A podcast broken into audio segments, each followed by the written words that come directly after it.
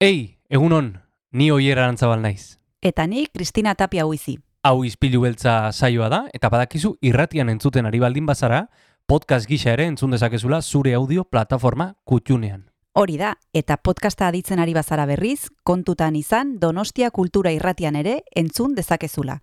FM eundazazpi puntu lau frekuentzian. Sare sozialetan ere topatuko gaituzu noski, izpilu beltza bilatuta, Instagram, Facebook eta Twitterren. Besterik gabe, guazen gaurko saioarekin. Az gaitezen,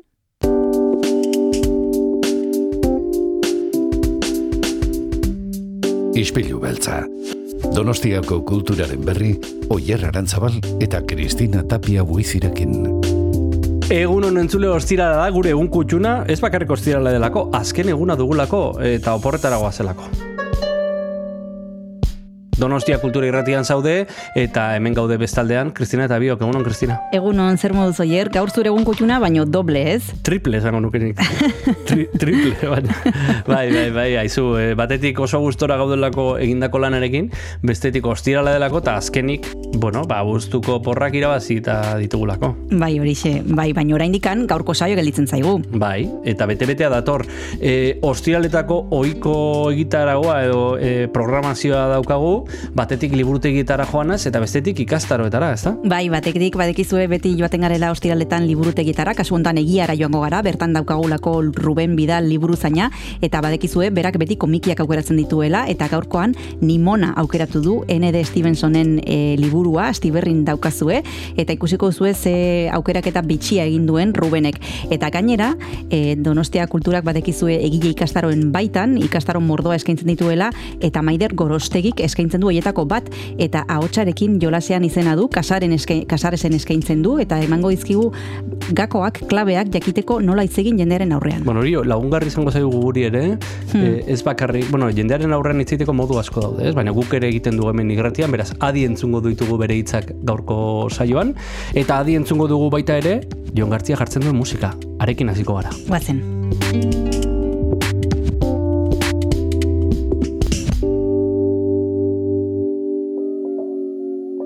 Ostirala da entzule, ikasturtea amaitzeragoa zizpilu beltzan, eta hause da Valentziatik datorren zo taldearen abesti berria, Panja. Real Madrid ganador de Copa. Yo querré hacer aquí un gran hotel junto al mar, destrozar las rocas. Mr. Marshall B, how are you, my friend? Portaavions al cel, it's oca. Mira aquest mel que pequeu passem, deixa estar que ara això no toca. Parador dels senyors d'Europa, caciquillos vinguts a més, molt de trepa passant la mopa. Barra lliure pa fer l'idiota, mal negoci per als cambrers, bon negoci pa culo boca. Panya más panya que nunca, panya al Congrés, panya al banc, panya a totes les escoles, panya als cossos policials, panya des de la prehistòria, panya a l'època feudal, panya als carrers i a les grades, panya el punyal.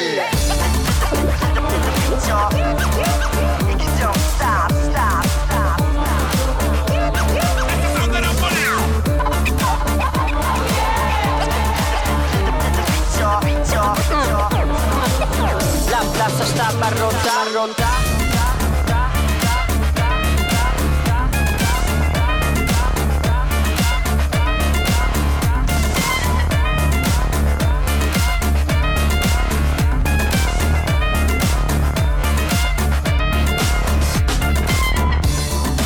De pura i copa, senyorets de missa i bordel, militars repartint estopa,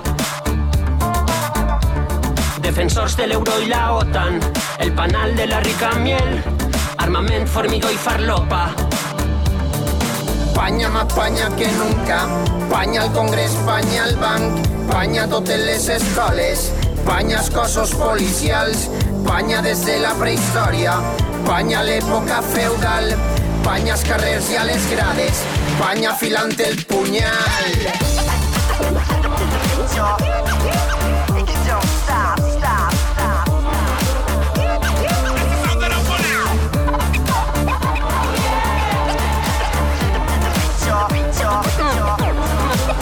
La plaça està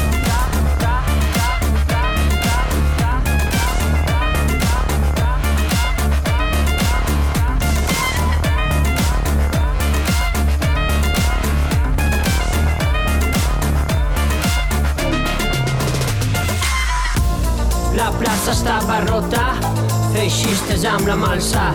Van amb la pítera a unflar, mm, la verge corre espanta Jo em defenc amb pistoletes d'aigua, carregades amb por i aiguardent. Tan bonica com eres d'Espanya i ja que estan fent. La plaça estava rota, feixistes amb la malsa van amb la Peter a un fla, mm, la verge corre espantar. Jo em defenc amb pistoletes d'aigua, carregades amb por i aiguardent. Tan bonica com eres d'Espanya i tan lleja que t'estan fent. Gaur ostirala da entzule eta doekizu ostiraletan Donostia kulturako egile ikastaroen inguruan aritzen garela. Maider Gorostegi da gaurko gonbiatua, kasaresen eskaintzen baitu ahotsarekin jolasean izena duen ikastaroa. Egunon Maider, zer modu zaude? Egunon, Cristina, ba primeran, primeran. bueno, ja ikasturte bukaeran gaude, baino segurenik datorren Bai. ikasturtean ere aukera izango dugula zuk eskaintzen duzun ikastaroan izena emateko eta horretarako deitu zaitugu eta jakineko genuke zer ikasten dugun zuk eskaintzen duzun ikastaro hontan. Ahotsarekin jolasean Bai. zer da? Bueno, ba, azken batean da, norberak e, daukan ahotsari, ba, aliketa zukurik handien ateratzea, eta, bueno, pues horretarako prestatzen dituzten baitezu, e, izan daitezkenak, ba, irratirako iragarkiak, edo zerbait interpretatiboagoa, edo, bueno, ba, informatiboetako testu bat, esate baterako, eta jartzen ditut ikasleak, ba, ba, tesitura bakoitzean, e, ba, beraien testua aliketa ba, hobekien defenda dezaten, eta horretarako, ba, ba erramita batzuk ematen dizkiet. Mhm. Hortan saiatzen naiz behintzat. Eta zeinentzat da ikastaroa? Aipatu dituzu iragarkiak, aipatu dituzu testu informatiboak, eta orduan betzatzen ari Bai. naiz e, publizitatearekin lotura dauka norbait, kazetaria, em, edo zeinak izen, izen eman dezake?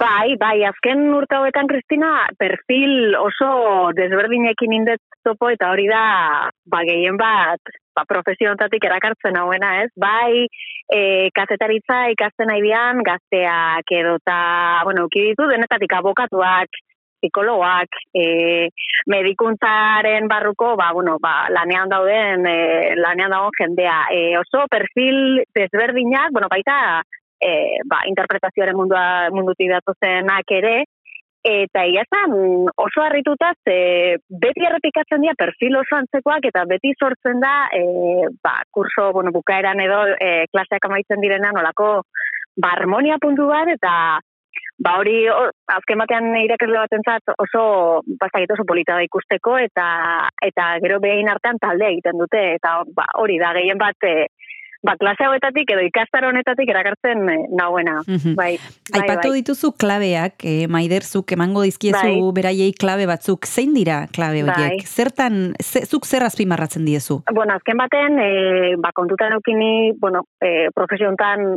hogei urte luzez nabilela, eta, bueno, ba, e, urte guzti hauetan e, e, topatu dut, edo, bueno, ba, azkartasuna gure profesioan edo, edo testu batea egokitzeko denbora hori, ba, klabea izaten dela, orduan, ba, urte hauetan e, ikasi dituen erraminta guzti horiek, e, ba, bueno, ba, ikaslei helarazten saiatzen naiz.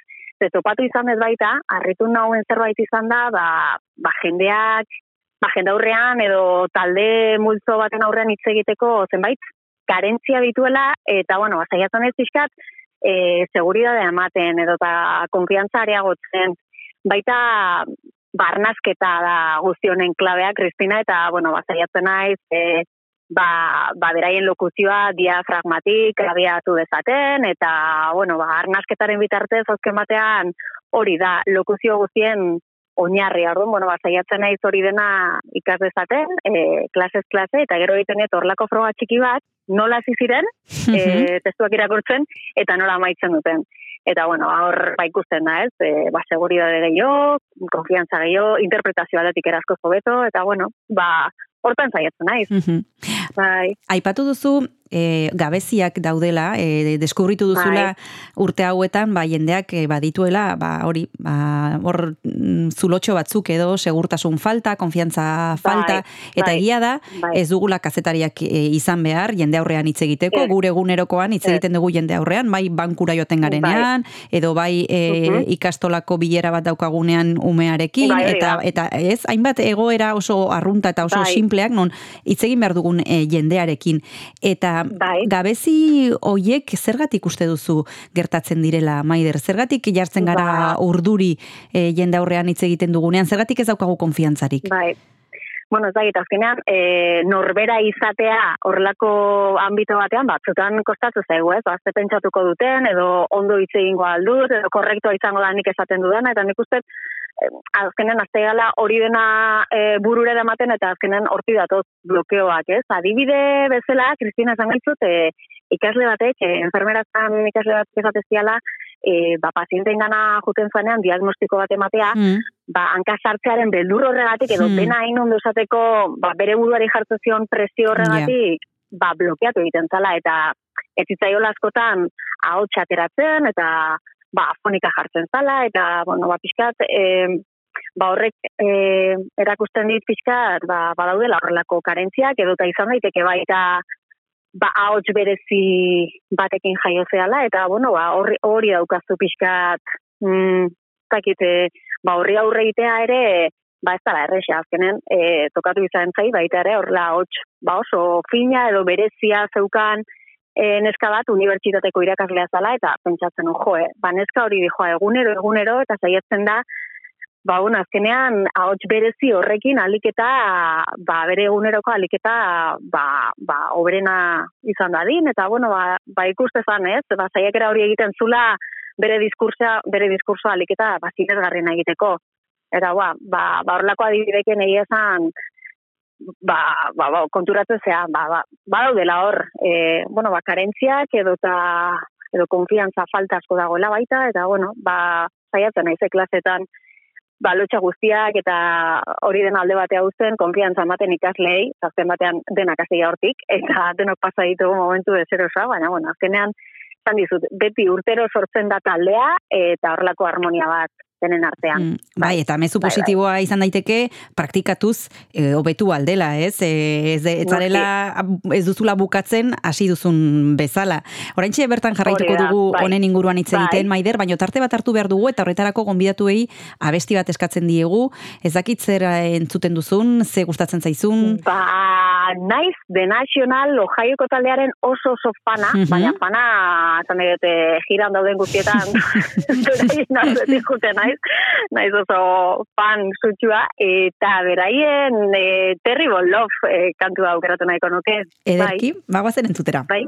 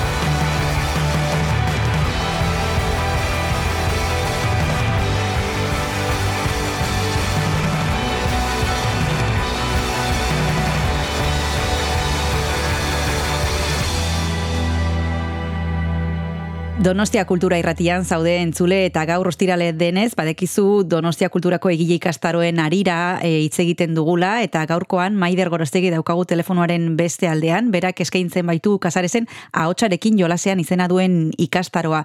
Aipatu duzulen kasu bat, e, erizain baten kasua, ez? Eta zer Bai. garrantzitsua den kasu hoietan nola komunikatzen diguten gauza bat. E, agian batzuetan nola hori garrantzitsuagoa da mezua bera baino. E, segurtasuna Bai. transmititzen badigute, e, transmititzen Bai. badigute lasaitasuna.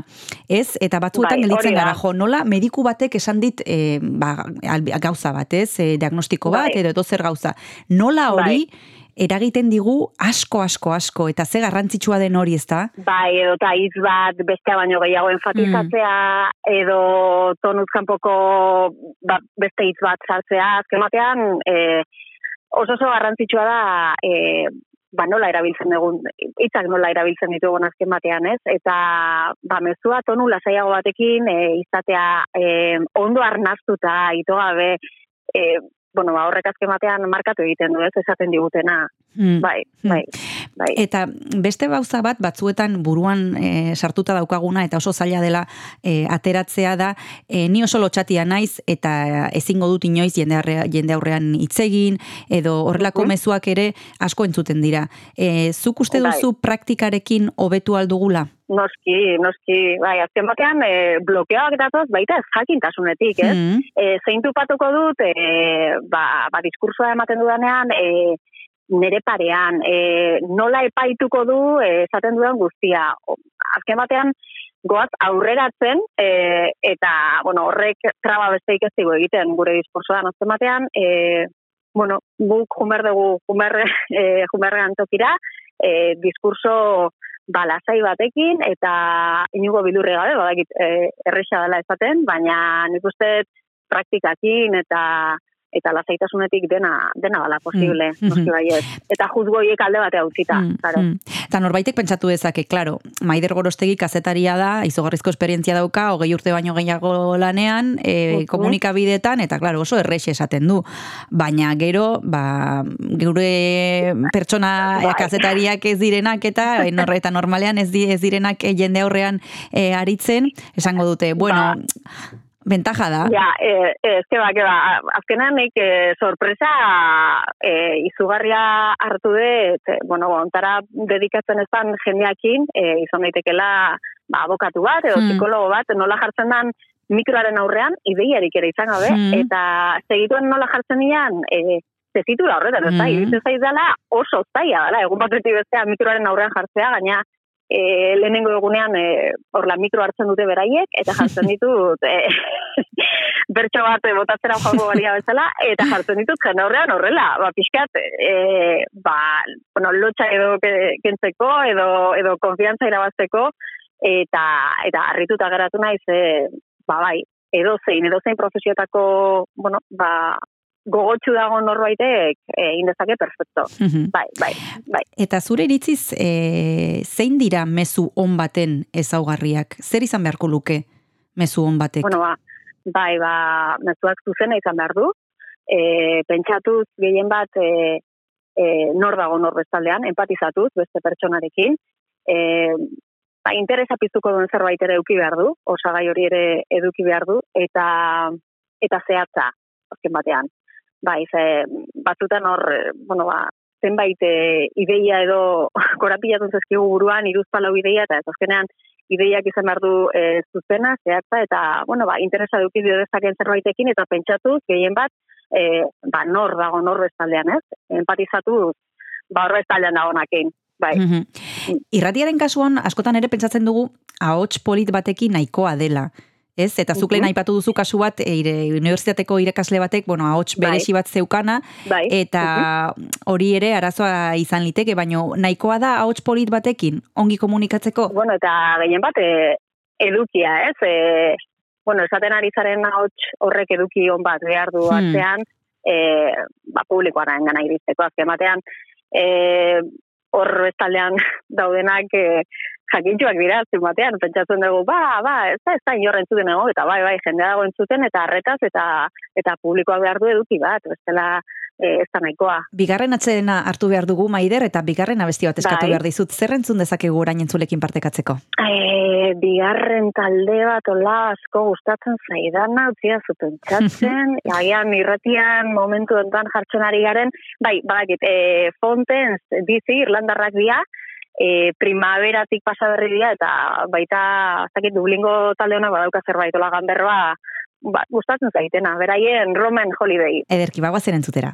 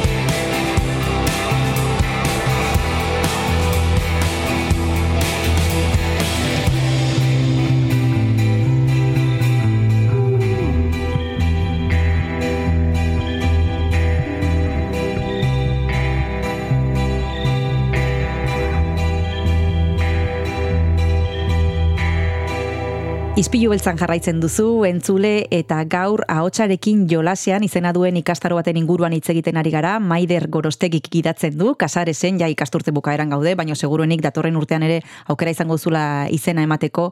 Aipatu duzu, e, zein diran mezu on baten e, ezaugarriak eta Bai. bikoiztaile izateko, ze ezaugarri Bai. beharko zenituzke, Maider? Ze ezaugarri, ba, a ber, nire kasuan nik, e, bueno, duela, hogei bat urte, inu lehenengo ikastaroa, eta apuntatu nintzen inolako e, elburu konkreturi gabe, Mhm. e, bueno, ba, goatzen ez gaina klaseak ostiraletan ziala, eta ostiraletan zazpitatik behatzita, ordu, etzan inor juten. Claro. E, klase bitara, e, ni bakarrik juten itzan, fin, fin, eta egia da, ba, itearen inoz, eta estenak egin, eta egin, eta egin, eta irakaslearekin, e, bueno, gaina irakaslea Kiko Jauregi aktore eta biko oso, bueno, ba, famatua da hemen, eta, bueno, ba, berarekin batera, ikasi nuna inbeste iritsitala egun bat, nun klik bat egin nun, eta Mhm. ordutik aurrea, e, estenago, ez, egiten ditun estenak zinezgarriak zian. Mhm. Orduan, ba, bueno, eukin nun sortea, ze berak bere garaian zuzentzezun e,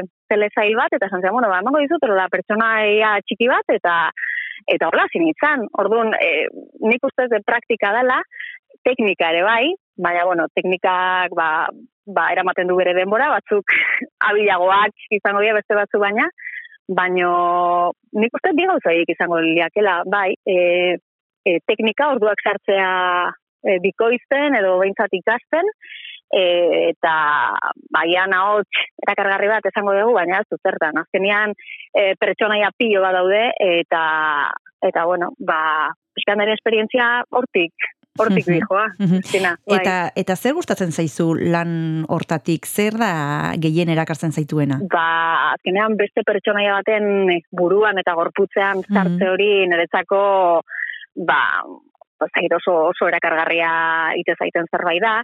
Azkenean, ba, irratiko lana, hainbeste urteren ostean, ez dakit, badauka monotoniatik, naiz eta oso lan polita izan, o beste guztiak bezala, e, ba, bueno, monotonoa bihur daiteke, eta ba, beste alde honek ematen dit pixka bat, ba, ba interpretaziorako aukera, eta beste pertsonaia eta pertsonalitate hartzeko aukera. Eta hori, ba, kristona da, oso, eta oso divertidoa, bai. e, itzuliz e, ikastarora e, ja Bai. izenburuan aipatzen duzu jolasean hitza Bai. eta Mhm. horrek ze esan nahi du jolasean planteatzen dituzula gauzak horrela errazagoa delako Bai, azkenean e, ikaslei luzatzen dizkiet zenbait adibide praktiko, Mhm. eta, bueno, ba, ba hori jolasten ibiltzea, ba, gaur e, iragarki bat interpretatzen saiatuko gea. Bihar izan daiteke testu ba, informatibo bat, azken batean adibide praktikoen bitartez, ba, beraiek ere e, ba, ikus dezaten ba, bere ahotsak edo norberaren ahotsak ze zenolako aukerak ematen dizkieten, eta batzutan sorpresak ere badaude, eh? Bai, I, bai sorpresa politak, bai. bai. Ba, beste ahotsekin probatu nahi dutenak, edo ba, batean beste ahots bat, ez, bueno, zektenik e, e, ba, hor ateratzen direnak, e, eta bai, oso divertidoa da azken batean. Eta badago jendea errepikatzen duena, Maider, e, agoian taldetxoren bat edo pertsonaren bat e, ba, Bai. behin baino gehiago izena eman duena. Bai, ba, pare batek edo, bez, i- iruzpalau edo e, izan dira, e, bi urtetan segido apuntatu dianak, ba, pixkat motz geratu zitzaiolako, geratu zitzaiolako e, urtea, eta eta hor txuki ditut ikasle bezala, eta ia esan, ba, bueno, politia da ikustea, ez da, eta ez bueno, ba, zerbait ondo iten nahi nahi. edo mezua behintzat, e, pentsatuta edo transmititu nahi nun mezu hori iritsi zaie, gustatu zaie, eta errepikatu dute, beraz, bani pozik, Mhm. ni oso pozik. Hasieran aipatu duzu mm, graba, bueno, ez dakit nola, baina pentsatzen dut grabazio bat egingo diezula ikusteko nola Bai, hasten diren bai. eta nola bukatzen duten eta zuk Bai. ikusten duzu saltoa nabarmena dela, baina beraiek ere sentitzen dute eh, hobetu Bai. dutela kurtsoan. Bai, bai, bai, bai. Ez denen kasuan, baina gehienen kasuan behintzat, bai, diferentzia e, oso nabaria da gehien bat, e, arnazketaren aldetik, Mhm. askoz lasaiago daude, erosoago daude, e, bigarren zati hortan lehenengoan baino, eta, bueno, ba, azkenen esali bakoitzari, bakoitzari intentzio bat ematen saiatzen dira, eta, bueno, ba, bai, bai, bai, diferentzia oso, oso nabarmena da. Bueno, ba, esan bezala, ahotsarekin jolasean da Maider Gorostegik eskaintzen duen ikastaroa. Emango dugu ikastaroen berri, seguruenik iraiaren hasieran edo erdialdean izango da hori, eta ziur, bueno, ezakigu ziur, baina, bueno, seguruenik eh, bere ikastaroa berriro egongo dela datorren ikasturtean, eta badekizu entzule nahi izan ez gero, eh, ba, nola hitzegin, eh, hobeto hitzegin, Maider Gorostegi izango duzu zain, eh, gauzak eta klabe guztiak erakusteko prest. Eskerrik asko, Maider Gorostegi izpilu beltzara urbiltzeagatik, eta besarka da bat urrengor arte. Beste bat arte, aio, agur. Aio.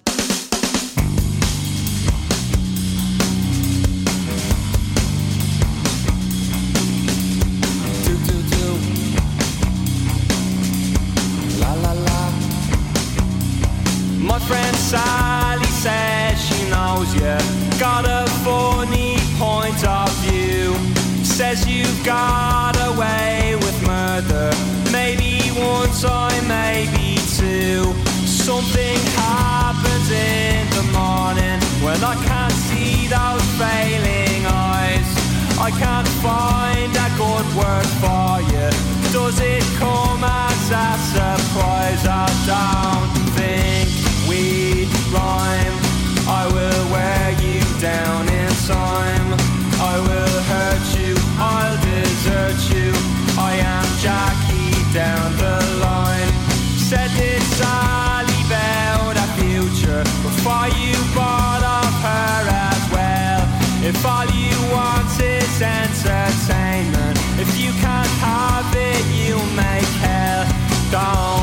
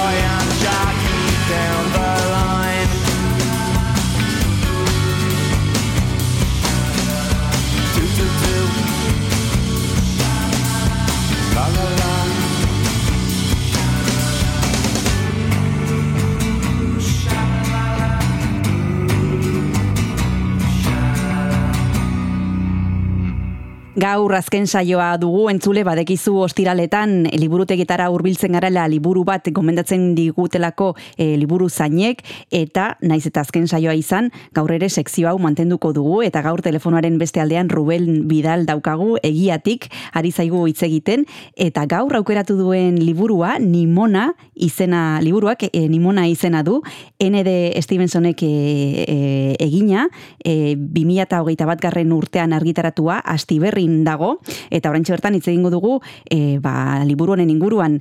Ruben, egunon zer modu zaude? Kaixo, egunon, Cristina, ba, ondo, ondo, ben, pozik, zuekin egoteaz bai, azkena izango da, uda, bueno, uda ez, uda ja hasia dago, baino oporrak e, e, hasi baino lehen azkena izango dugu. E, guazen e, gurera, Nimona, zergatik aukeratu duzu? Zergatik, e, zergatik erakarri nagoen? Ba, Bai. Bueno, bai. Ba, bueno, a ber, e, ben, a, e, azalagatik, ez gehiagi, bueno, pixka bat kolore biziak eta zituen, eta, bueno, polita dirudi, eta gero, barruan pixka bat errepasatuz, ba, bai, kolore biziak, e, marrazki garbiak, ere bai, simple xamarrak akaso, bueno, eta irakurtzeko ere raza zirudi, eh? Eh, pixkat, eh, alpertuta nabil aspaldian. eta, bai, antolak eta, ba, bineten eta bombullo edo bokabilen antolak eta ondoz, oza, hori garbia, ez, e, ez, zeukan nola txapa ondirik, ez, e, ez dakit, beste komiki batzu bezala, pues, eh, askotan, komikik, eh, bombullo asko izaten dituzte, ez, oza, ezketaldi duzeak, eta, batzen naiz, konanen komikiak txikitan ira- irakurtzen dituenean, Roy Thomasena eta kriston txapa botatzen dituztena. Bueno, eh, garai altan guztia ere utzi ditu, baina oin ja, azte azten dut, eta ze, bai. Eta hau aldiz, ba, kontrakoa, ez, e, ba, izketaldi motzak, nahikoak, eta ba, ba, gezu kristina nila zahartzen azta. bueno, bai. Super zarra zara, bai. Bai, laneako gutxita. Bueno, guazen sinopsiari buruz eh, hitz egitera ruen. Zer eh, kontatzen digu Stevensonek eh, Nimonan? Eh, aipatu behar dugu eh, proiektu hau sortu zela bera oso gaztea zenean, webcomin bat egin zuen pertsonai honekin, eta gero eh, pixkanaka, pixkanaka, ba, pertsonai honek ba, gorputza gehiago hartu zuen, eta azkenean eh, novela grafiko hau ere eh, egiteko aukera izan du. Eh, zer kontatzen du em, autoreak liburu hontan? Bueno, e, historia klasiko samarra da, eh? Aha. Bueno, azkenean da, mm, osea, er, erresuma urrun batean, eh? Gazteluz eta errege eta erreginaz jositako eta printzesaz jositako eh, erresuma batean, badago zaldun bai gaiztoa dana, eh?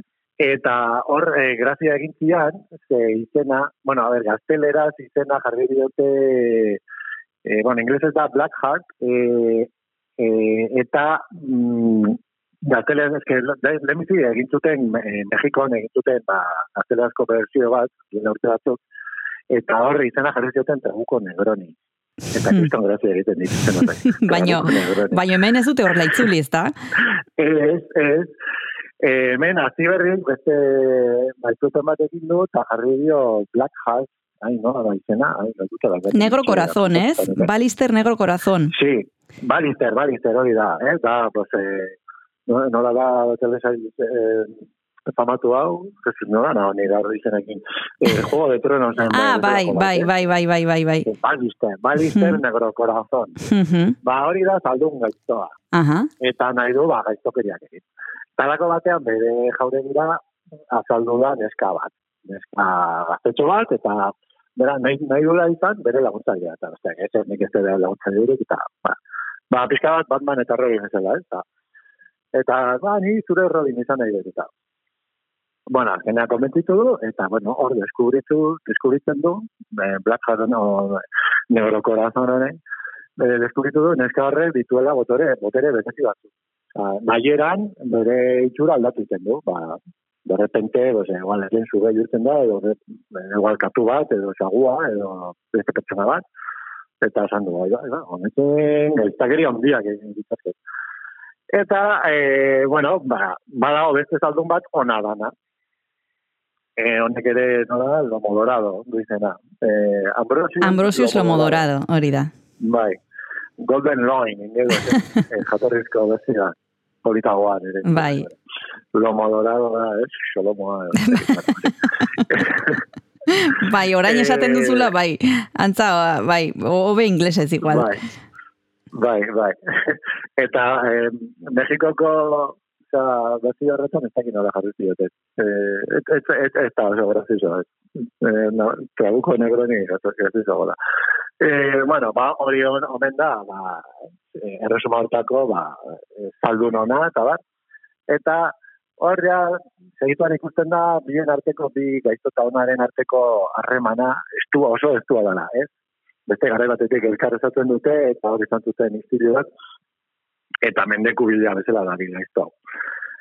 E, eta orduan, ba, bueno, ba, laguntzaile hartuta, bueno, ikusten du ere bai, laguntzaile hau, pixkat, eh, makarra dela. Osea, egin nahi ditu gaitzakeriak, baina zugarriak, jendea hil, eta eta esan, eh, eh, ni gaiztoa nahi, baina... Baina ez hainbeste. Orduan, horazte geha konturatzen, gaiztoa ez dala gaiztoa. Gero ikusiko dugu, ona ez dala hain ona. Gero hor, badago beste erakunde bat, e, izena ere oso grazioso dena, e, eta hor, apuntatuta gata, eta, ai, ai, ai, ez dut argitzen. Bueno, e, nola esan, e, hau burua. Bueno, eta etorreko zait. E, eta hor, badago zuzendari bat, emakumezko bat, hori bai dala gaiztoa, bai, gaiztoetan gaiztoena, eta hor, horko aventurak eta desventurak, ora, azaldu. E, hoiek dira protagonistak. Eta, e, bueno, ni- nik komikienetan gehien nabarmenduko nuena, nukeena, edo, azpimarratuko nukeena da ambiguotasuna. Osea, nik uste, dut, e, hitz gakoa, hori da, ambiguotasuna. Azalatik hasita, bukaera daño. Ados, Ruben. Kontzeptu horrekin geldituko gara eta oraintxe e, itzuliko gara zetarte bat hartu behar dugu eta musika eskatu behar dizut eta jarraituko dugu segituan hitz egiten ambigotasunari buruz, ze zuk aipatu duzu oso garrantzitsua dela novela hontan, baina abesti bat eskatu behar dizut. Zer entzun dezakegu entzulekin partekatzeko? Bai, jo, am- ambigotasunari buruz ari gerala, ez, eh, pues, am, eh, ambigotasunaren eh, ikurra zin da, David Bowie, ez? Bueno, eretzat, ni zagoa nahi da, ba, David Bowie. Eta, bueno, eh, aukeratuko nuke Heroes, eh, abestia, eh, hau ere eroiei buruz data. Primeran, komikia, pues, primeran. Ba, guazen entzutera David Bowie.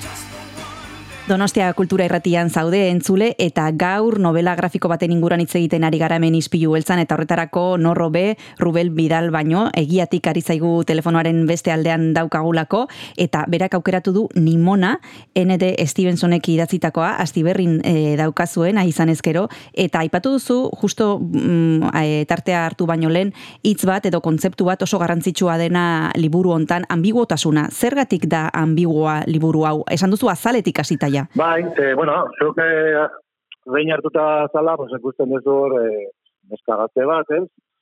Eh, erentzu eh, egalak dituena, bueno, hori ez da, ba, aparteko gauza, baina Baina eko zenzu horrazkera berezia daukala da, gaur, eguneko horrazkera bat ezela, ez? Ola, pixka bat, e, bueno, esango nuke, ba, la queer edo, ez? E, moduko bat. Gero, atzetik ditu bi zaldun, ez? Gaitzoa eta ona, benetatu ditugunak.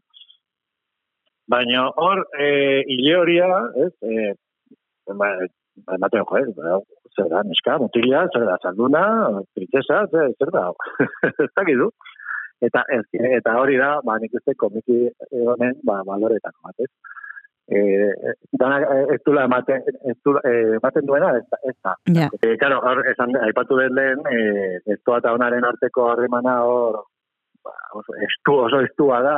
Bueno, ez, ez, ez, ez, ez esan nahi, e, hori oso interesgarria da. Dio, nola, nola evoluzio datuko eh, harreman hori, eta bar, eta, bai, hortxe utzik da, hortxe utzik da. Ados, gehiagi kontatu gabe, baino harreman hori oso garrantzitsua da nimonan. E, beste gauza garrantzitsu bat, eta zuk esango dira zuzuri zer irutu zaizun, e, da umorea. Badago umorea, ez da? Bai, bai, bai, bai, bai. E, umore oso sarkastikoa, Aha. oso, oso, fres, oso freskoa, ez, oso, bueno, baita ere oso amerikarra, estatu bat horra, eta pixkat, eh, ez, ba, esango nuke, tipo, Big Bang Theory, holako zerbait ez dakit, hola, zerbait esatearen. Eta bai, claro, zu, ambigotasun, ambigotasun horren barruan, claro, e, hau berez, e, komiki hau berez, zuzenduta dago, gazte jendear, ez Hora, behintzat, e, aztiberrik bere komiki txiki o txiki komik o zailean zartuta dauka. Eta zuazte zea irakurtzen, da, bueno, be, jo, esatizut, erakarri nindu marrezkiak eta bat, eta, ba, baina hau aurrena, osea, gaztentza bat izango da, eta bai, hasi naiz irakurtzen, da, jode, ba, bai, bai eta ez, e, osea, dauzka, nik uste da, anentza, osea, publiko guztiaren da.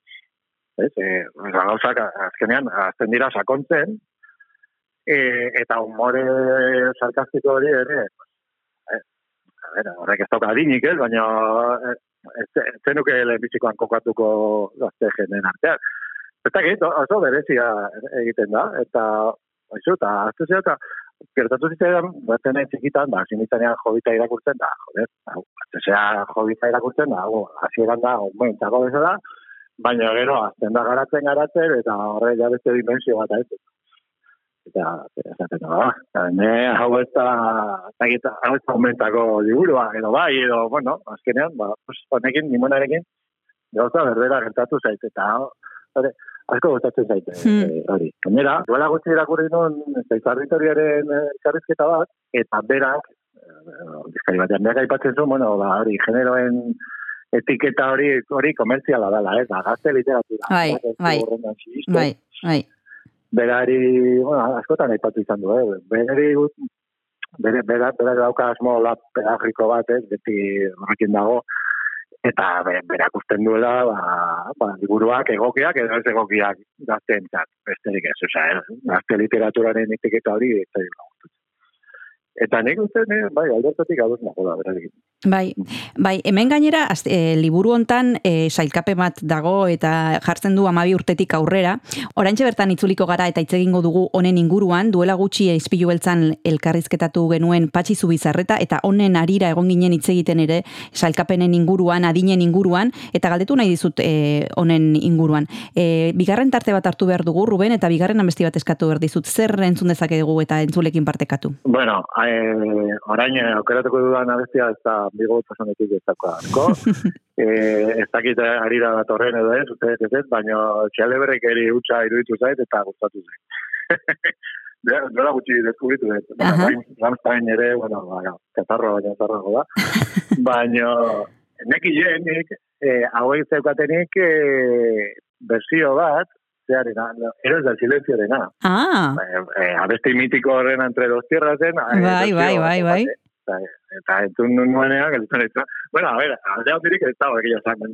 eh, Abeslariaren ahots e, eh, berezi horrek, ez, bueno, ematen dio da, erreak nola ahotzatzen ditu. Oso, no? Ba, guazen entzutera. Ba, guazen entzutera.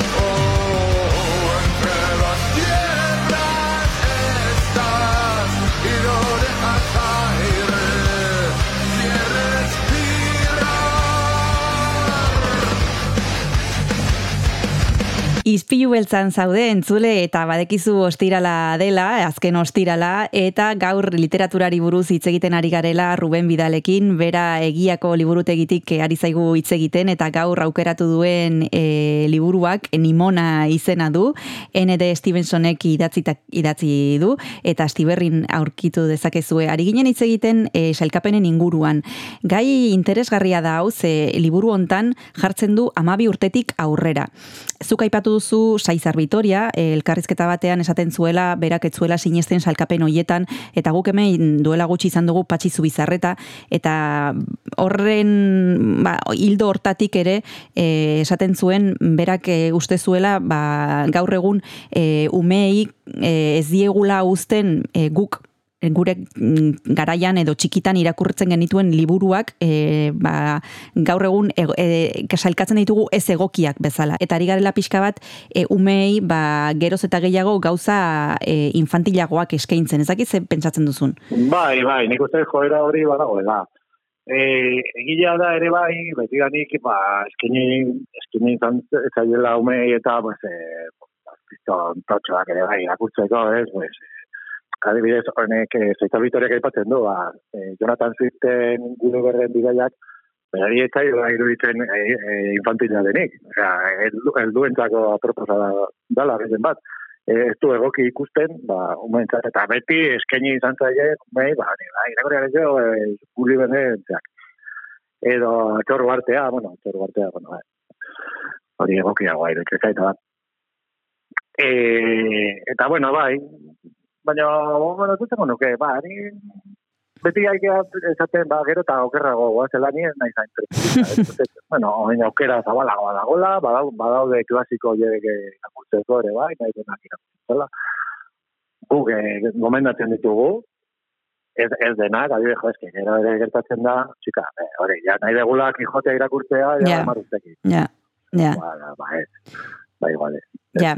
Baino jarraitu behar da derrigor e, azalean jartzen diguten adin hori, adibidez, e, nik etxean alabarekin e, berak e, eskatzen ditu bere adinari ez dago ez dagokion e, testuak eta bueno, ba, jarraitzen du historia eta ongi dago, baino batzutan oso zorroz jartzen magara, ba 12 urtetik aurrera, 8 urtetik aurrera. Ez dakite hor mm, gurasoek eta liburu zainek ere badaukazuen pixka bat gidatzeko e, aukera, ez da? Bai, hori, a ber, etiketa horiek azkenen finean dira pixkat, e, ba, orientazio gisa, eh? Ba, ba, ez dakizunean ze irakurri, ba, mentxe, ba, pues, probatu hauekin, ba, ja, daukazu etiketatuta, eta, bueno, horrexago da, horrela. Baina, artik aurrera, baina hori ez da zorrat jarraitu, eh, ginen dikinera, ez, ez. Izan ere, liburutekian askotan ikusten dugu, ba, igual amabi urteko amairu, ba, ja, ez du zailera juten direla, ba, bere, ba, irakurtzea, eh, pues, igual, oain, bueno, beti nik izan dira oso bola pues, eh, pues, eh, romantikoak eta bat, pero fantastikoak, pues, eh, aur zailan, es que beste arazo bat, daukagu ditan, bueno, bueno, arazo bat, ez.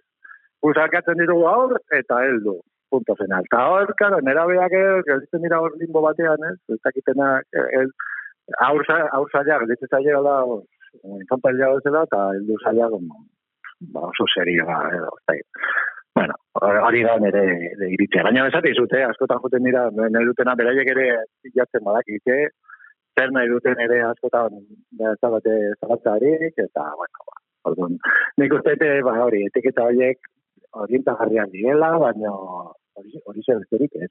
Osea, hartik aurrera, ja norbera gadu bere iritzia eta bere kriteria. Stevensonen liburu hau nimona, e, denentzat eh, dela esango zenuke? Bai, bai. Bai. Bai. bai, bai, publiko guztietan, bai. Eta autoreari buruz, zer esan dezakezu? Ezakit beste libururen bat irakurri duzun e, berea? Ba, ez, ez, ez dut irakurri, eta ba, gogoz galitu nahi, ze, ba, ba, omen dauka, ba, dauka, beste zail bat, eh, beste bituma bat, nire ez Lambert James, leñadora, ze itzuli da, gaztelera. Eh, eta, ez dakit, eh, baita ere, hor, ba, bigotazona, eh, jarraituko duela pentsatzen Bera ere, a ver, jaiotze, eh, no la sabe, bera, neskazan, Noel, Noel, tunizena, eta oain, ez dakit noiz, aldatu inga, oain mutila, menda. Eta, bueno, era bere, ikotea da, eta, na, saltzeatzen ibili nahi interesa, eta oain da, ND, o, edo Nate, Nate, uste, erabaki, aukeratu duela izena. Baina, bueno, E, eta hori, ba hori, badana, ba, ambigotasun horren aldetik. Eh? Bai, ez? Eta oso, bai, eta horrek, kutsu horrek, e, freskotasun handia ematen dio bere lanari. Eta gainera, aipatu behar dugu baita ere Ruben, eh, kritikak eh, oso ondo jarri duela eta eta iritziak oso positiboak eh, izan dituela lan honek. E, ba, naitz eta batzuek aipatu e, komplexua dela, baita ere sakona, e, baina umorearekin egin duen e, nasketa hori ba oso emaitza borobila izan duela e, Stevensonek eta horrek ere ba, kritikak ongi, ongi hartu du, ez? Bai, bai, era bat, era bat, era bat, bai. E, izan ere, bueno, ba, ba, gai asko jorratzen ditut, bueno, komplex, komplejua baino, nik esango nuke sakon, sakona, o sea, o, e, ez baina pein, ba hori zuk espero dezuena, ez, ba, hartzen badezu, ba, ez, aurrentzako, eso, gaztentzako titulo komiki bat, ba, ba, beti pentsatezu, ba, zinplago izango dela, eta, hago, aztezea irakurtzen da, bueno, ja, lehenengo eh, horri aldetik ja, aztezea ja, parrezka, zela, ah, eze, more, eta, eta gero ja, claro, gero pertsona ja, garatzen azten da, eta hor e, gaietako bat, adibidez da, ba, rol este- estereotipatuen ba, zalantzan jartzea, ez? Ona, zaldun ona, benetan ona da, edo, eta ez, eta gaiztoa benetan gaiztoa da, eta, bueno, ba, gero rol sexualekin edo genero rolekin ere jokatzen du, eta gero, ah, eta gero gizarte kritika ere badago hor, eh? ba, go- gobernuen botere ustelen aurkako e, zera, bos, kritika bat, ze hor ere badago pandemia moduko bat, baina hau pandemia horretik e, argitaratu egina, egina dago, eh? E, badago hor gaixotasun bat, e, e, eta, bueno, hor ere igual kutsu negazionista bat ere e, e, agertzen da, ze, Ara. da, pues, e, pues hori, ba, norbaitek e, asmatutako, pues, ezea bat, e, edo diseinatutako gaitz bat. bueno, gaur, gaur egungo ikuspegitik ikusita, pues, negozionista dirudi, oe, hori, ambigua. Bueno, ba, liburu honekin eh, bukatuko dugu saioa eta bukatuko dugu ikasturtea, Nimona, N.D. Stevensonen eh, liburua, eh, Ruen Bidalek gomendatu duena gaur. Eskerrik asko, egiatik egin dituzuen gomendioengatik eta ik, datorren ikasturtean ikusiko dugu elkar, edo entzungo dugu elkar, hobe esan da. Eskerrik asko esan bezala Ruen Bidal eta bezarkada bat. Ba, mila esker zuri, bai, ez, ez, ez horretik, e, ba, gustora egon naiz, e, ikasturtenetan, eta ja, urrengoan azteko irrikan. Oso ondo, ba, bezarkada bat, agur, uda on. Beste azurekat, agur, agur.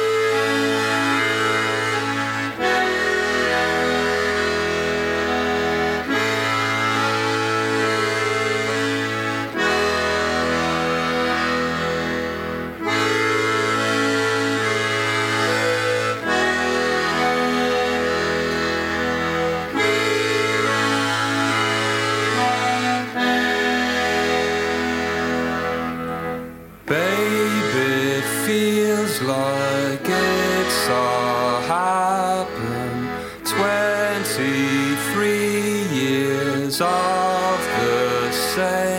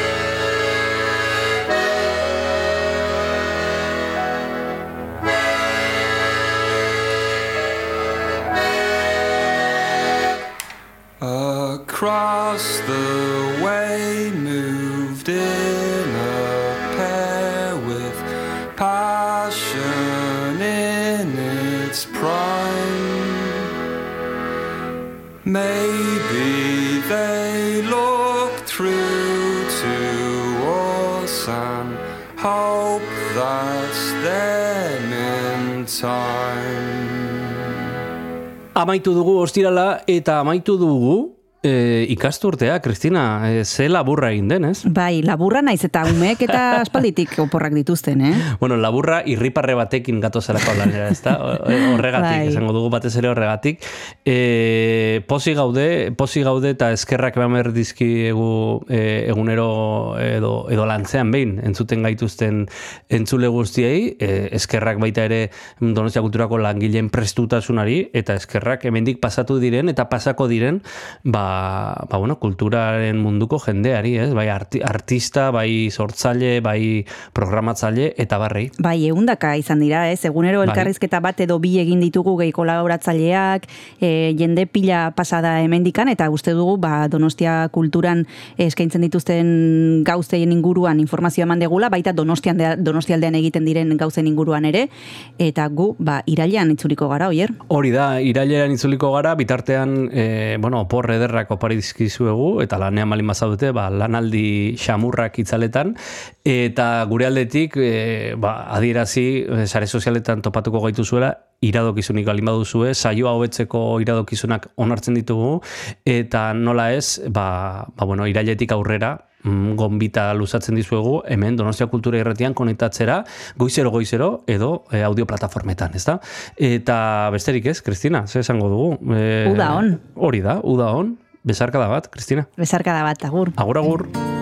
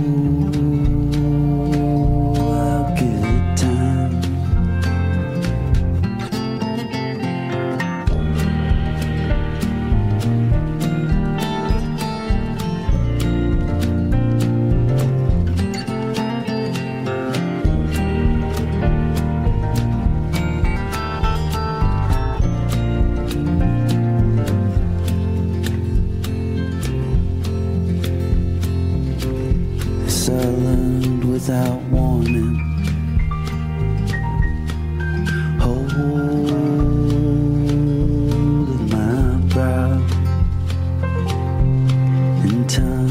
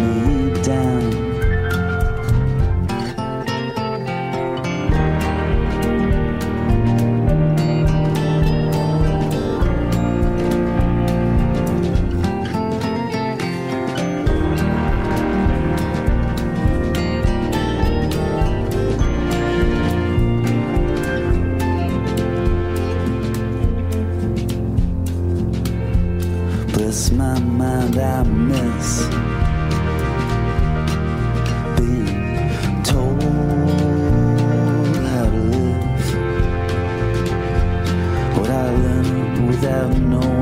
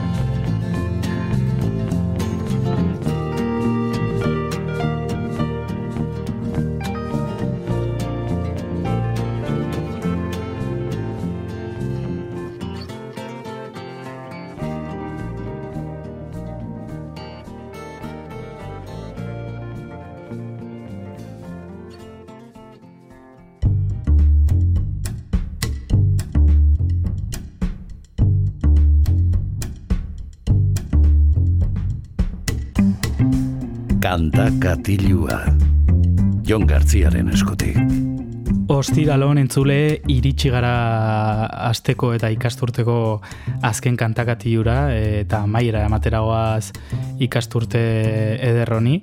Espero dugu ba, hilabete hauetan musika ederra edo gustokoa deskubritu izana. E, ulertzen dugu ba, dena ez dela gustokoa izango, baina tira, e, noizbait gustoko kanturen bat entzun baduzu ispilu beltzan zehar, ba, ba, bosten gara. Gaurkoan e, energia zukatuko dugu ikasturtea, gustatzen zaigun moduan, eta horrela asteburua gogo hartuko dugu. E, Suediara joango gara, Viagra Boysen lan berria ezagutzera, Cave World izenekoa, eta makarra da honekin hasten da, Baby Criminal kantuarekin. Well, little Jimmy was the cutest little baby. His told him that one day he was gonna be a star.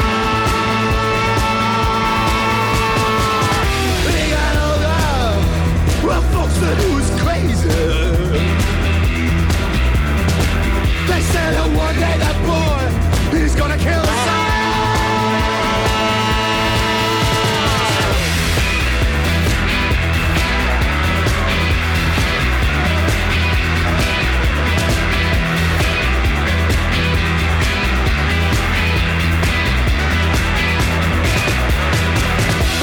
started drawing things that Mama thought was crazy. She didn't like the things she saw come out of his head. He spent his time in the kitchen microwaving batteries. He even killed a squirrel and turned it into a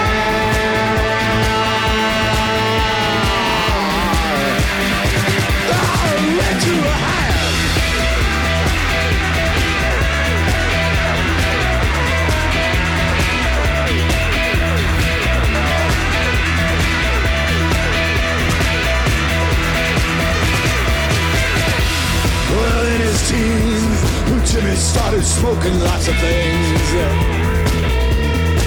He started taking sleeping pills during the day. At sneak out, all dressed up in leather. His mama cried, oh no, my child's in some sort of gang.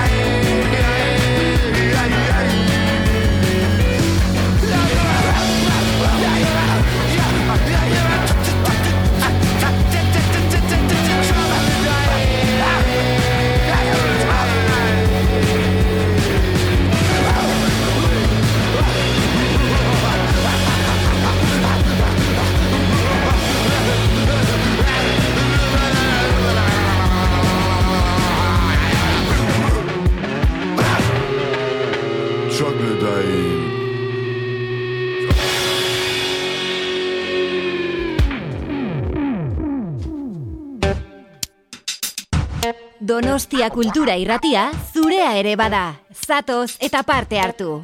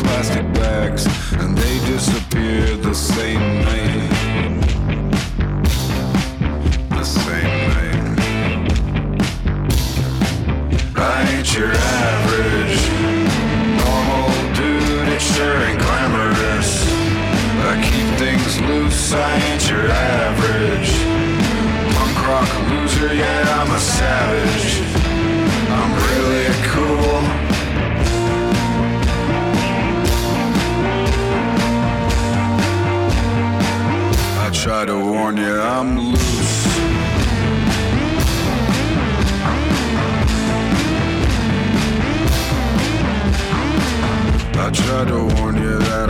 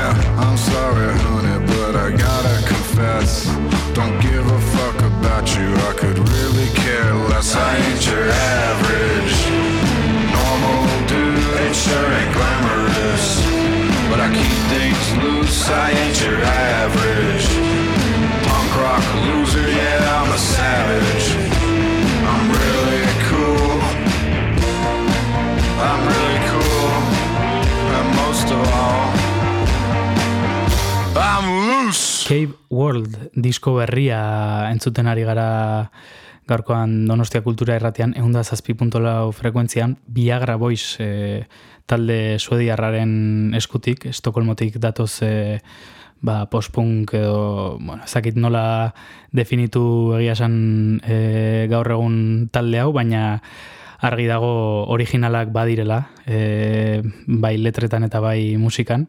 Orain txentzun dugu punk rock loser izeneko kantua, eta guazen ezagutzera beste bat, hau da Creepy Crawlers kantua. Oh, I can't believe it! I can't believe what I read last night! Man, there's little kids growing up with animal hair! Some of them are growing up with tails, maybe even two tails, man! They're putting in little microchips into... They're putting microchips into vaccines! Little creepy crawlers with tiny little legs that creep around your body, collecting information, oh, collecting information. They're putting little creepy crawlies in the vaccine.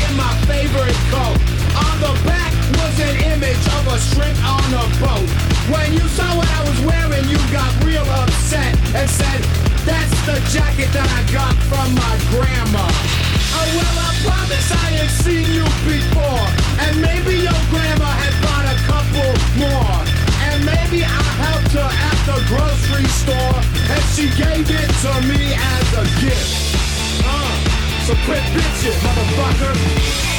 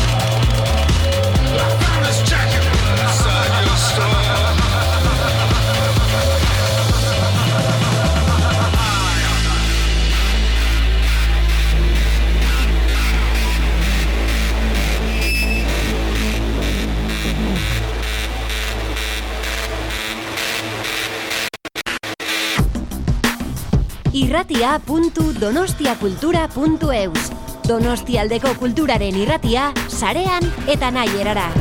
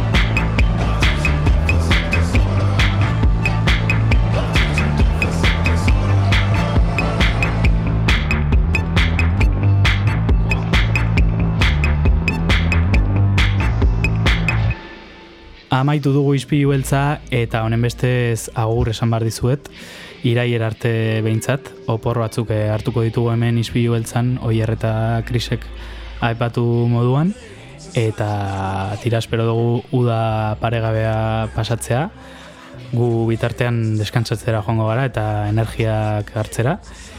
Utziko zaituzet Viagra Boysen Cape Worldeko azken kantuarekin, proposamen bitxi bat egingo digute suediarrek, izan ere, Return to Monkey izena du kantuak. Honekin utziko zaituztet eta iraian entzungo gara berriro. Plazer bat eta mila esker. Agur, agur.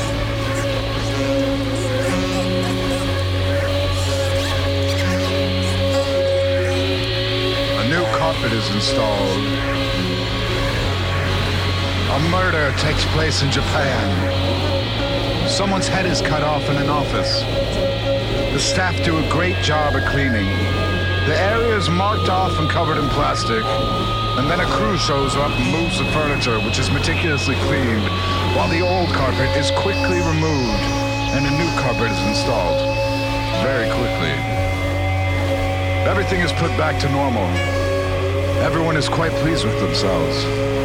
They kept their cool in a stressful situation. It's been a good day. It's been a good day.